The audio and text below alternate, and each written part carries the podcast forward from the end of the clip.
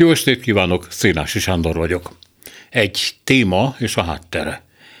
A kormányfő sok sikert kívánt Alia Vazeri elnöknek a karabahi terület stabilizálás érdekében végzett munkájához, valamint az újjáépítéshez, és mivel érezte, hogy ez egy ilyen lagymatag jókívánság, túlságosan is lagymatag, nem méltó sem a címzethez, sem annak áldozatos tevékenységéhez, hozzátette, gratulálunk mélyen tisztelt elnök úr.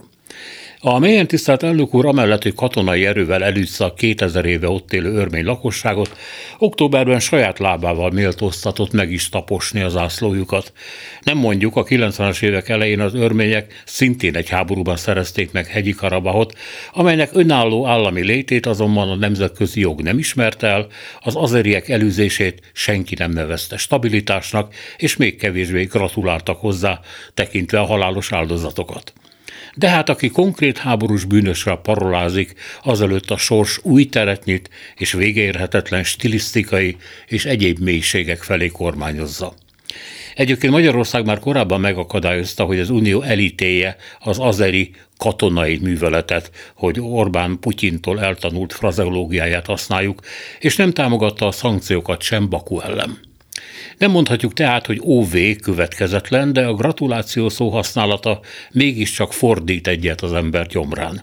Aztán iszik rá egy 40-50 fokos ánizsal ízesített törkölypárlatot, vagy srakit, és rendbe jön.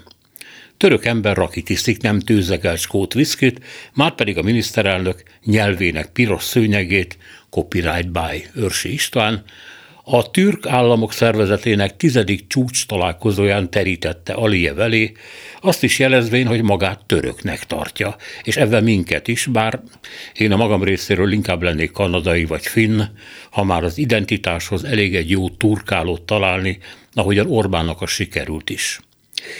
Az is lehet persze, hogy a miniszterelnök úr csak annyira török, mint amennyire én kecsua indián, hanem inkább jó hazafi, aki végtelen honszerelmében áldozza fel Ural Altai mi voltát azért, hogy az azeriektől gázt vehessen, és a kazah elnöktől is csak azért fogadta el a kazah állami barátság érdemrend első fokozatát, hogy már az idén rekordmennyiségű kőolajat küldjenek nekünk.